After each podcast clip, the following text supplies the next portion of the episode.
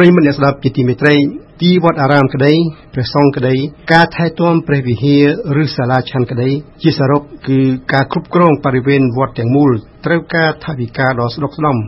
មិនសមស្របនឹងពុទ្ធវាទដែលព្រះសាស្តាទ្រង់បានត្រាស់បង្គាប់ឲ្យយើងសម្អាតចិត្តសង្រួមកាយកុំភ្លើតភ្លើន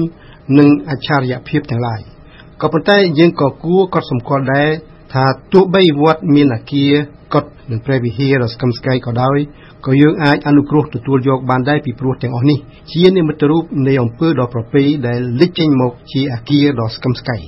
រីឯវត្តអារាមដែលនៅដាច់ស្រយាលគ្មានពុទ្ធបរិស័ទជាអ្នកឧបត្ថម្ភព្រះសង្ឃទន្ទឹងរង់ចាំតែរដូវបុណ្យទានទើបឃើញមានភោគផលចង្ហាន់វ័នជន់បរិបូរណ៍ប្រតិបត្តិថ្ងៃនេះស្ដីអំពីវត្តពីរគឺវត្តសមាធិ ដែលស្ថិតនៅទីក្រុងកែបនិងវត្តសំពើ5លើភ្នំបូកូដែលសុទ្ធសឹងជាវត្តគ្មានពុទ្ធបរិស័ទប្រចាំទៀងទាត់ពលគឺគ្មានឧបថៈនិងឧបថាយិកាដែលព្រះគ្រូចៅអធិការអាចយកជាបង្អែកជាទីពឹងបាននោះឡើយ Le drame qui s'est produit récemment à Cap touchant un bâtiment de sept étages en cours de construction, lequel bâtiment s'est écroulé causant des morts et des blessés, ce bâtiment est situé à une centaine de mètres de la pagode de Samati. Le vénérable maître, se prénommant Kung, m'a fait part le 27 décembre dernier de ses préoccupations quotidiennes,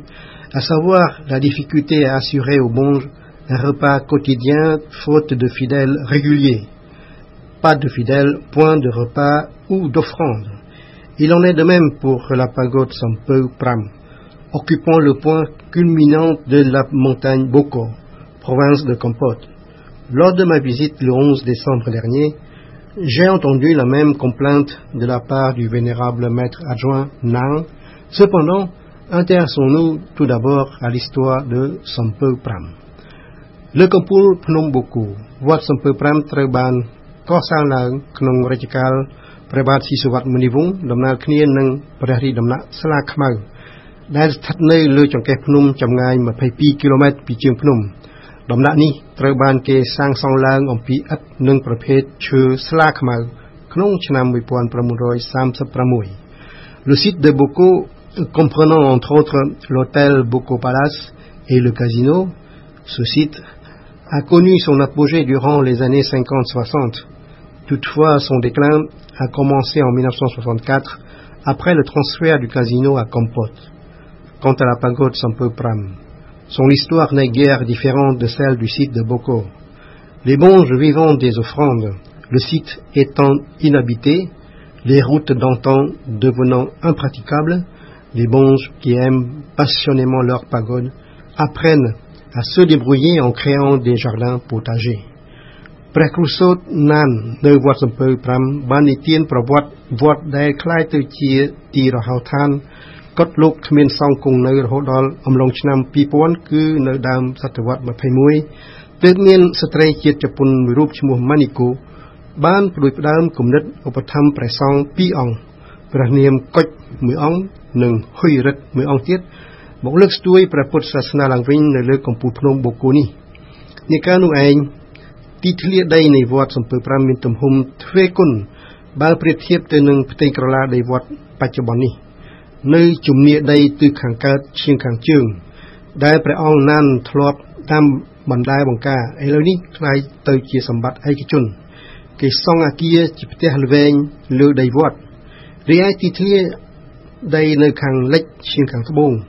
គំនោះផ្លូវថ្នល់បានពុះច្រែកយកដីផ្ដាច់ចេញពីវត្តអស់ចំនួនប្រហែល1ភាគ4 L'abandon de la pagode avant l'arrivée des casques bleus unusiens dits forces de Untak était dû à l'insécurité causée par les soldats Khmer rouges. Le vénérable maître adjoint Nan m'a dit qu'un dénommé Chan, simple paysan, avait été assassiné par les Khmer rouges. Quoi qu'il en soit, la ligne de démarcation située à l'ouest de la pagode Sampeu Pram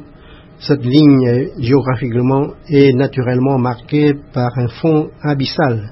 après le dernier rocher, dégageant ainsi la vue devenant imprenable jusqu'à Kortral,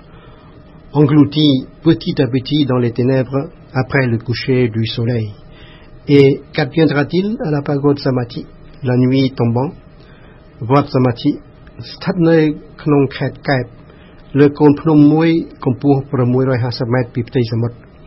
អាគារ7ជាន់ដែលបាក់រលំលើកម្មករនិងអ្នកលក់ដូរកាលពីថ្ងៃទី3មករាកន្លងទៅនេះស្ថិតនៅក្បែរជើងភ្នំវត្តសមាធិនេះតែម្ដងព្រះគ្រូចៅអធិការព្រះនាមគង់បាននិទានប្រាប់ខ្ញុំកាលពីថ្ងៃទី27ធ្នូកន្លងទៅនេះថាជនជាតិបរទេសគេនិយមឡើងមកពេលយប់ឈរនៅទីធ្លាវត្តក្រោយព្រះវិហារ មើលទៅសមុទ្រខ្មែរដែលចាំងភ្លើងព្រិចព្រិចលាយឡំនឹងពន្លឺព្រះច័ន្ទដ៏ស្រទន់ត្រជាក់ភ្នែក Qu'il s'agisse d'une illusion de déluge entre la pagode Sampeuprem et Cotrol ou bien des lumières scintillantes à l'instar des étoiles mortes vues du haut de la pagode Samadhi. Les sentiments diffus apportent quant à eux leur lot de nostalgie certain. Il n'y a donc pas que les récits des deux pagodes.